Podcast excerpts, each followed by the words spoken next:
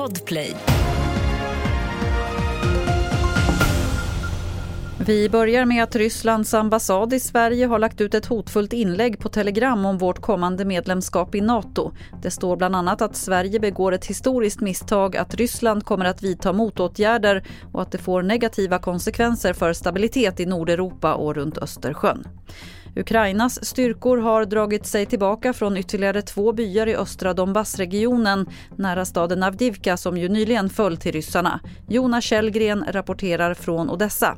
Ja, läget är svårt i de östra delarna av landet. Ryssarna går framåt, även om det går ganska långsamt. De tar en by här, en by där, några meter här och så vidare. Men det är utan tvekan ryssarna som går framåt. Och ukrainarna säger att det beror på att man saknar artilleriammunition och man kan inte försvara sig eh, på det sättet man eh, skulle vilja.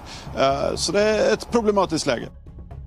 Det kraftiga skredet i Stenungsund i höstas hade kunnat undvikas, det rapporterar SVT. Det fanns avgörande fel i underlaget bakom bygget som rasade i skredet. Marken som rasade uppgavs bestå av ytligt berg och därmed tåla höga belastningar, men det fanns inget berg på platsen.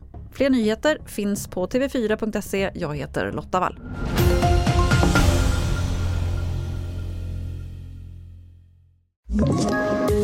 Poddtips från Podplay.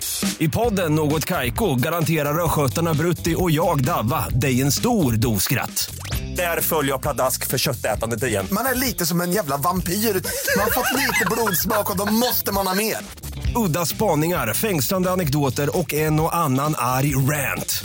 Jag måste ha mitt kaffe på morgonen för annars är jag ingen trevlig människa. Då är du ingen trevlig människa, punkt. Något Kaiko, hör du på Podplay. Därför är gardinerna.